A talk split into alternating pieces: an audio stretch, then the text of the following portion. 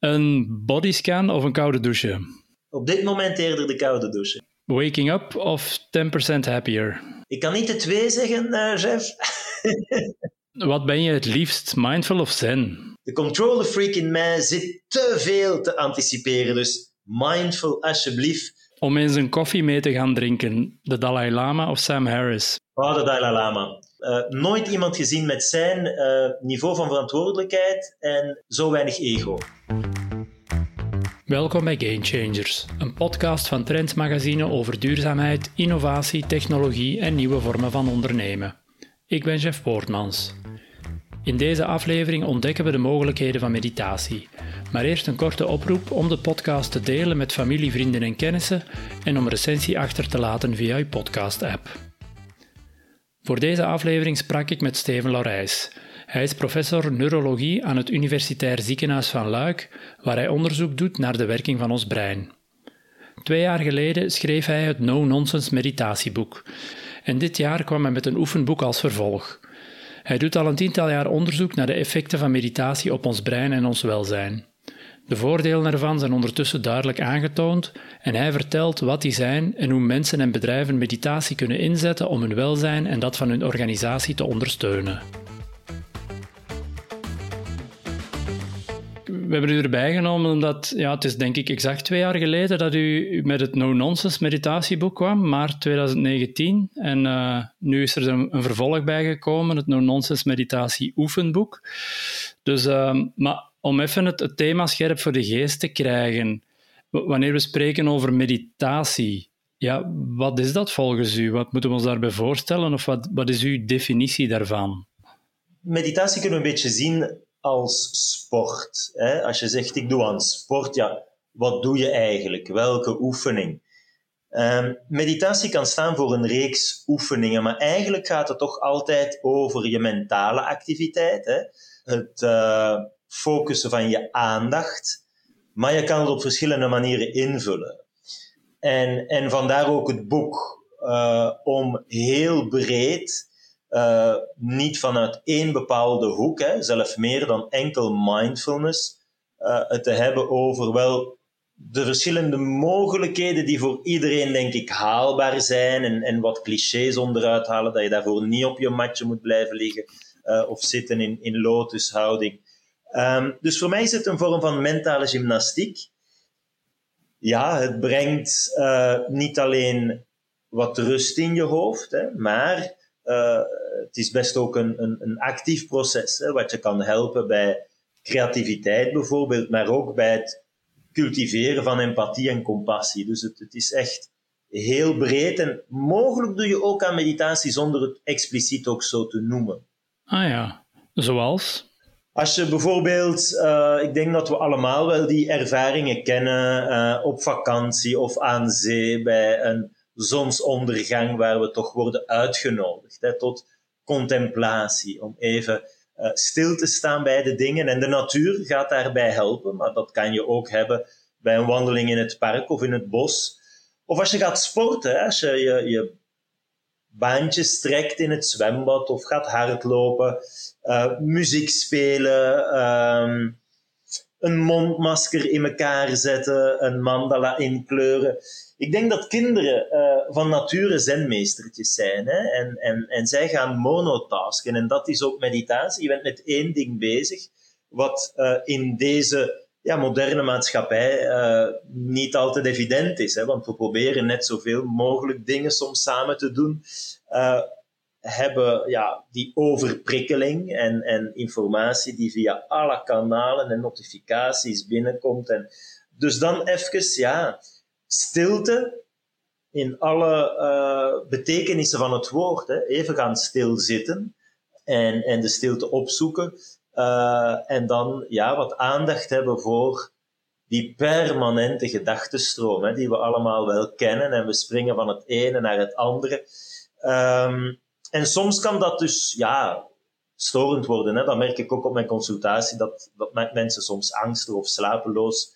En dan is er natuurlijk veel meer dan enkel de pillen. Hè, om daar wat grip op te krijgen. Ja, ja, ja, en die diversiteit aan manieren waarop je kunt mediteren, dat, dat komt inderdaad ook wel heel sterk naar voren in, in, in jouw boeken, en vooral in het laatste dan. Dus daar, daar kunnen we het dadelijk misschien nog over hebben. Maar dan het, het no-nonsense gedeelte, want ja, je bent natuurlijk wetenschapper, neuroloog, arts. Ehm, ja, hoe is jouw wetenschappelijke interesse in dit thema gewekt? Waarom ben jij jou er als wetenschapper uh, in beginnen interesseren en onderzoek naar beginnen doen? Wat was de kiem? Uh, Jeff, zoals veel mensen, hè, een persoonlijke crisis. Hè, dat vertel ik in het eerste boek, uh, eh, 2012, ineens alleenstaande papa. En dan dat fameuze stemmetje waar we het over hadden, hè, dat draait dan dol. Hoe is dat zover kunnen komen? En, en ja, je kan het verleden niet veranderen en wat gaat er nu gebeuren? En dan zit je te anticiperen en, en ons brein is een, een uh, ja, heel goed in het uh, voorspellen en, en dat, dat maakt ons ook heel sterk, maar ja, tro is te veel en dat was bij mij duidelijk zo. Dan um, ging ik met alcohol dat stemmetje stil krijgen of, of kalmeringspillen en uh, antidepressiva, veel gerookt. En dat was al snel duidelijk dat dat niet inspirerend was voor de drie kinderen. Ben ik beginnen yoga doen, maar het was toch de ontmoeting met Mathieu Ricard in Parijs, op die TEDx, waar ik werd gevraagd om te praten over mijn domein van expertise. Hè. Dat is niet meditatie, zeker toen niet. Ja, en Mathieu Ricard, om hem even te schetsen voor de luisteraar. Wel, hij kwam daar uh, praten over meditatie. Hè. Hij is uh, uh, dokter in de moleculaire biologie, zoon van een heel gekende filosoof, die dan is naar ja, Indië, Tibet getrokken, carrière heeft gemaakt binnen het boeddhisme. Is nu zo'n beetje de rockster van het boeddhisme. Fantastische boeken geschreven. Heel inspirerend man, de vertaler van de Dalai Lama. En ja, op die uh, TEDx, uh, waar hij dus kwam praten over uh, compassie, raakten we al snel aan de praat. En, en ik ben vrij transparant, dus hij vroeg me hoe gaat het. En ik zei, ja, boh, um, niet, niet super. En hij zei, kom met mij op retraite, wat we toen hebben gedaan. Dat was de eerste retraite van Mind and Life Europe, waar je dus ja, wetenschappers samenbrengt met die contemplatieve traditie, wel boeddhistisch geïnspireerd, maar er zaten ook katholieke priesters bij. Um, en dan heb ik gezegd, wel Mathieu, uh, kom jij nu naar uh, Luik in het labo en dan steken we in al die machines. Als onderzoeker wou ik dan natuurlijk zien, hè, wat, doet meditatie met je brein? En bij die topatleten beginnen, dat is makkelijker. Dan zie je duidelijker de effecten. En dat zijn we eigenlijk blijven doen, hebben we dan gepubliceerd. Uh, en is er dus een heel nieuw onderzoeksproject gestart. Hè. Als onderzoeker dan naar bewustzijn is het een beetje jammer dat ik dat niet vroeger heb ontdekt natuurlijk. Want, want dat is, is heel interessant en, en dus voor mij een nieuwe wereld die is opengegaan. Zowel persoonlijk als wetenschappelijk, maar dan ook klinisch. Hè. Ik, ik schrijf nu dus meditatie voor op mijn consultatie hier in het UZ in Luik. En dat was voor 2012 anders? Ah, toen, ja... Uh, Goh, ik heb uh, de afgelopen 25 jaar ben ik bezig met, met de menselijke geest en dan voornamelijk bij patiënten na een beschadiging, maar ook toch uh, tijdens uh, anesthesie of het nemen van psychedelische middelen en hypnose. Daar hebben we toch ook een sterke traditie. Maar een journalist die me vroeg, dat was 2000 denk ik, hè, wat denk je van mindfulness? Heb ik een beetje toen afgedaan als ja dat is voor mij niet, niet voldoende aangetoond. En inderdaad, toen hè, in het boek staat er dat schemaatje van het aantal publicaties, waar we zien dat er een, een booming is. Hè. Uh, nu zijn er zoveel artikels uh, en kunnen we niet meer zeggen dat is zever, dat is nonsens. Um, maar ik ben dus ja, echt van scepticus, hè, uh, heel ver gekomen. Uh, ik blijf ook een amateur, hè, chef. Ik ben geen zenmeester. en dat is ook wat ik in het tweede boek het no-nonsense meditatie oefenboek probeer te verkondigen. Want ja, waarom, eh, toen de uitgeverij me vroeg van, van dat boek te maken, alleen welke credibiliteit heb ik? Ik um, heb geen meditatieschool of... Maar dan dacht ik, oké, okay, als, als ik het kan, dan kan iedereen het. Hè. Als papa van vijf nu, met, met een werkende echtgenoot en, de job in het ziekenhuis en op de NIF. En, uh, leg de lat niet te hoog. En, en ik heb iets geschreven dat ik graag zelf zou lezen. Uh, niet vanuit één specifieke hoek, want zoals gezegd, je kan dat echt op heel veel manieren invullen. Dat is een persoonlijk parcours waar we soms ook streng zijn voor onszelf. Ehm, en ja, meditatie is loslaten. Hè. Dat is geen competitiesport. Het is een persoonlijk traject. En dan als hersenwetenschapper, toen jij met je Ricard onder al jouw scans legde, ja, wat zag jij toen? Wat doet meditatie met onze hersenen um, in het moment zelf? Want je hebt dan ook nog de, de langdurigere effecten, daar kunnen we het dadelijk misschien over hebben. Maar op het moment dat hij in meditatieve status onder jouw scans lag, wat, wat zag je dan? Wel, wat je dan ziet, is eigenlijk niet veel. Hè? Je ziet iemand zitten met zijn ogen dicht. Uh, dat is juist de uitdaging natuurlijk als bewustzijnonderzoeker. Uh, hoe meet ik dat? Dus uh, gelukkig hebben ze in die boeddhistische traditie uh, iets dat reproduceerbaar is. Dus ze hebben daar bepaalde oefeningen die ik dan ook aan anderen kan vragen van te doen. En dan ga ik natuurlijk objectief gaan meten. En dat zie je in het boek, hè, die, die 250 elektroden op zijn hoofd, of hij zit in die MRI-scan te mediteren. Uh, we hebben zelf met een magneet zijn brein gestimuleerd terwijl hij aan het mediteren was. We hebben radioactief suiker ingespoten. Dus alle machines die we hadden om te kijken, wel, wat doet dat? En de resultaten waren toch heel indrukwekkend, omdat hij op een heel snelle en efficiënte manier zijn gedachtenstroom en percepties en emoties kan controleren. Uh, en ja, we moeten geen boeddhistische monnik worden. En natuurlijk, uh, vele studies hebben aangetoond dat dat bij u en ik ook kan. Als je acht weken mediteert, dan zie je ook die effecten. Maar wat we hebben gepubliceerd is inderdaad dat hij uh, een heel indrukwekkend effect had op onze objectieve metingen. Um, eigenlijk nooit gezien, vandaar uh, het artikel waar hij dus ook co-auteur is, hè, proefpersoon. En, en dat was dus interessant, die dialoog en dat vaststellen, hè, die, die mentale kracht. Dat is niet alleen meditatie, mindfulness, ik heb het in het boek over, over hartcoherentie, sofrologie, transcendente meditatie, waar je een mantra gaat herhalen. Er zijn zoveel illustraties van de, de kracht van uh, ja, je, je brein, je mentale. Uh, en, en dan vind ik ook als arts dat we dat misschien, misschien te weinig gebruiken in onze klinische praktijk. Zijn dat dan bepaalde eh, neurologische kanalen in de hersenen die, die, die daar heel sterk uit naar voren komen? Of, of wat is dat juist? Wel, afhankelijk van wat hij gaat doen of wat u en ik gaan doen, als we de klassieke aandachtsmeditatie doen, hè, waar we dus die aandacht focussen mijn favoriet is de ademhaling, maar het kan een object zijn, het kan een mantra zijn. Dan zie je dus die aandachtsnetwerken, hè, die uh, heel sterk gaan, gaan activeren. En ook uh, een, een, uh, een stabiliteit. Hè. Als, als we ja, zogezegd niks doen en we zitten in onze zetel, dan heb je die gedachtenstroom. Dat springt van het een naar het ander. En dat zie je dus, die monkey mind. En als je begint te mediteren, zie je een stabiliteit, dat aandachtsnetwerk. Um, en dat is dan voor en achter, uh, binnen in het brein. Een netwerk trouwens dat belangrijk is en dat we al jaren bestuderen, ook bij beschadigde breinen, hè, want dat is belangrijk voor ons intern bewustzijn, hè, dat fameuze stemmetje.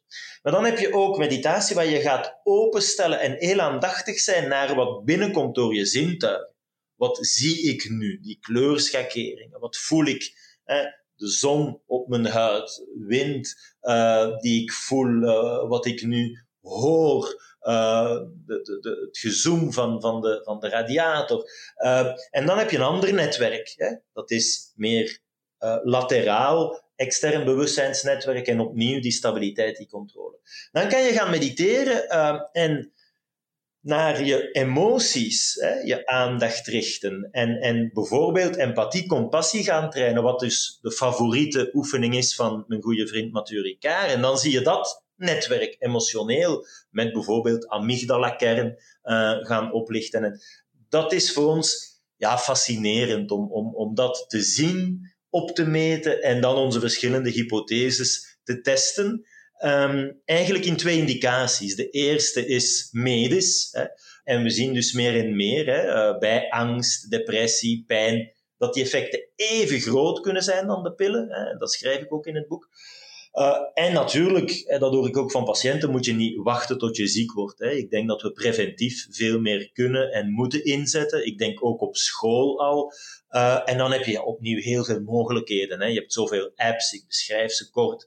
Je hebt boeken, je hebt internet, je hebt natuurlijk uh, de, de, de, de cursussen en, en wat wordt georganiseerd nu met COVID wat moeilijker dan via hè, um, de, de, de, uh, het internet. Maar dat lijkt me uh, natuurlijk ook belangrijk, van meer aandacht te hebben voor ons mentaal welzijn. Want eigenlijk is het wat bijzonder dat ondanks de hype die ik soms, hè, mensen opnieuw met uw mindfulness en is dat geen commerce, maar ondertussen merk ik hè, hoe moeilijk we het hebben. Ik zie zoveel mensen met spanningshoofdpijn, slaapproblemen, angst, depressie, burn-out. En COVID heeft dat alleen nog maar erger gemaakt. En structureel hè, uh, gebeurt er, vind ik, veel te weinig. Ja, want je hebt het dan daarnet, de, de momentane observatie wanneer iemand aan het mediteren is, wat je dan ziet in de hersenen, maar er is ook een heel rist onderzoek naar de meer langdurige effecten op zowel mentale als fysieke gezondheid. Ja, wat is de evolutie van dat onderzoek geweest en wat zijn volgens jou daar de, de belangrijkste rode lijnen in, uh, in de resultaten van dat onderzoek over die effecten van, uh, van meditatie? Meditatie opnieuw, het hangt af van jouw persoonlijke behoeften, hè? maar ik merk toch dat veel mensen het probleem van chronische stress kennen. Hè? Er wordt veel van ons gevraagd. Uh, we hebben veel functies, hè? professioneel, uh, privé, hoe ga je dat allemaal combineren? En ja, chronische stress is gewoon niet goed voor je lichaam, voor je brein, je immuunsysteem. Um, en meditatie is daar een mogelijkheid om wat, wat rust te brengen tussen je oren. En, en dat zie je dus niet alleen in die netwerken, in, in de, de structuur van het brein, de werking van het brein. Um, maar je ziet dat ook op, op het niveau van je chromosomen. Hè? In het boek staat er dat figuurtje met die fameuze telomeren, die kapjes die je eh, DNA gaan beschermen. En als je oud wordt, dan worden die kleiner. Dat is een normaal proces. Maar als je chronische stress kent en, en veel piekert, blijkt dat te versnellen. En met meditatie is toch herhaaldelijk aangetoond, kan je daar een positief effect op hebben. Dus dat is toch interessant, de moeite waard om, om te, te vertellen. En eigenlijk uh, dan als, als arts zie ik weinig klachten of symptomen die niet verergeren hè, door de stress. Dus uh, het is nu in de richtlijnen, bijvoorbeeld bij hoge bloeddruk, hè, uh, pillen heel belangrijk en heel goed dat die er zijn, maar je kan ook werken aan je levenshygiëne. Hè. Dus meditatie wordt nu echt uh, formeel aangeraden bij een reeks aandoeningen. Um, we hadden het al over uh, angst en depressie, waar het ook is aangetoond dat je dan minder kans hebt op herval, bij, bij pijn. Natuurlijk, uh, het, het, is, het is uh, complementair. Hè? Uh, we gebruiken het momenteel ook in een grote Europese studie bij mensen die een risico hebben op Alzheimer. Hè? Um, maar dat gaat je niet vaccineren tegen dementie of, of genezen van die ziekte. Maar het heeft zeker een toegevoegde waarde uh, en opnieuw, met die hersenscans kan je dat dan ook objectief vaststellen. Ja, en chronische stress, uh, hetgeen je daarnet vermeldde, is soms, vaak, afhankelijk van, van wie je spreekt, heeft ook te maken met de werksituatie. Als we het een beetje nauwer bekijken vanuit het oogpunt van werkgevers of grotere organisaties of, of werknemers, is het iets waar, waar, ze in horen te investeren volgens jou? Um, en, en ja, hoe, hoe, kunnen ze dat doen? Of heb jij, ben je al grote organisaties of, of bedrijven tegengekomen die er echt actief op inzetten? Absoluut. Ik geef nu veel lezingen. Ehm, in, in het uh, no-nonsense uh, meditatieboek eh, komen er een, reeks mensen aan bod. ik had het geluk om met Torfs te praten van, van de, de, de, de schoenenwinkel, die ja, toch al jaren op rij is verkozen als beste werkgever in het land en, en afgelopen jaren van Europa. Dat, dat heeft toch iets van doen met zijn interesse aan meditatie, denk ik dan. Uh, heb ook kunnen spreken met bijvoorbeeld een Jeff Colroyd, hè, die ook aan meditatie doet. En ik denk dat dat kan. En vandaar dat ik ook die CEO's aan het woord wil laten. En ik ben er hoe langer hoe meer van overtuigd dat, zoals je net zegt, dat eigenlijk moet deel uitmaken van hoe we het bedrijf uh, organiseren, uh, inclusief de, de architectuur. Hè. Ik denk dat we, ja, ik rookte dus vroeger en dan een, uh, een sigaretje, dat is ook een vorm van ademhalingsmeditatie, maar dat is niet ideaal natuurlijk. En dan hebben we de koffiepauzes. Hè. Ik, ik merk koffiemachine hier op de dienst is een heel belangrijk toestel waar we als collega's elkaar uh, ontmoeten, uh, een, een, tasje drinken. Maar, maar, ja, te veel koffie is dan ook weer geen goed idee. En meditatie kan daar zeker interessant zijn. En mensen dan de mogelijkheid bieden om even te pauzeren. En dat kan voor sommigen dan in groep, anderen doen dat liever, liever alleen. En dat zie je hè, bij Google, bij die grote eh, mastodonten in de Verenigde Staten, Silicon Valley, en dat waait natuurlijk over naar ons. Dus uh, ja, waarom niet meer aan, aan werknemers toelaten van, van dat uh, ja, te kunnen gebruiken? En dan opnieuw hoor ik soms wat de cynische commentaar van oké, om hun nog meer uit te buiten en om hun stil te houden. En de studies tonen dat niet aan. Ik denk dat meditatie juist meer assertief maakt. Hè? Uh, en je leert meer aandacht hebben voor hoe voel ik me eigenlijk in mijn job. Hè? En je gaat dan minder snel in het rood. Want ons lichaam en ook onze geest geeft ons signalen. Ik zie vaak mensen met spanningshoofdpijn. En zoals je net zegt, we, maken een groot deel van onze tijd zit op ons werk.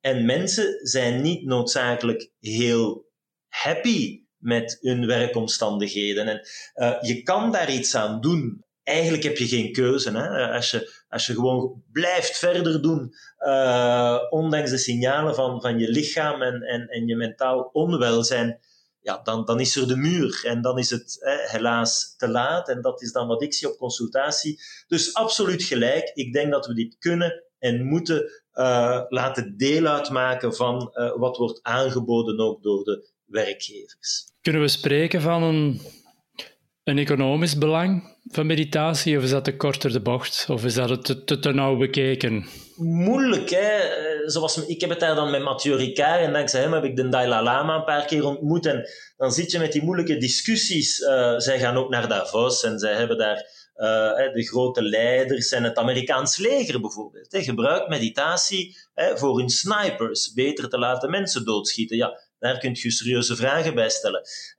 Dus we moeten zeker die vragen durven stellen, hè, maar dat wordt dan een heel uh, brede discussie over dit kapitalistisch systeem en de waarden en ethiek.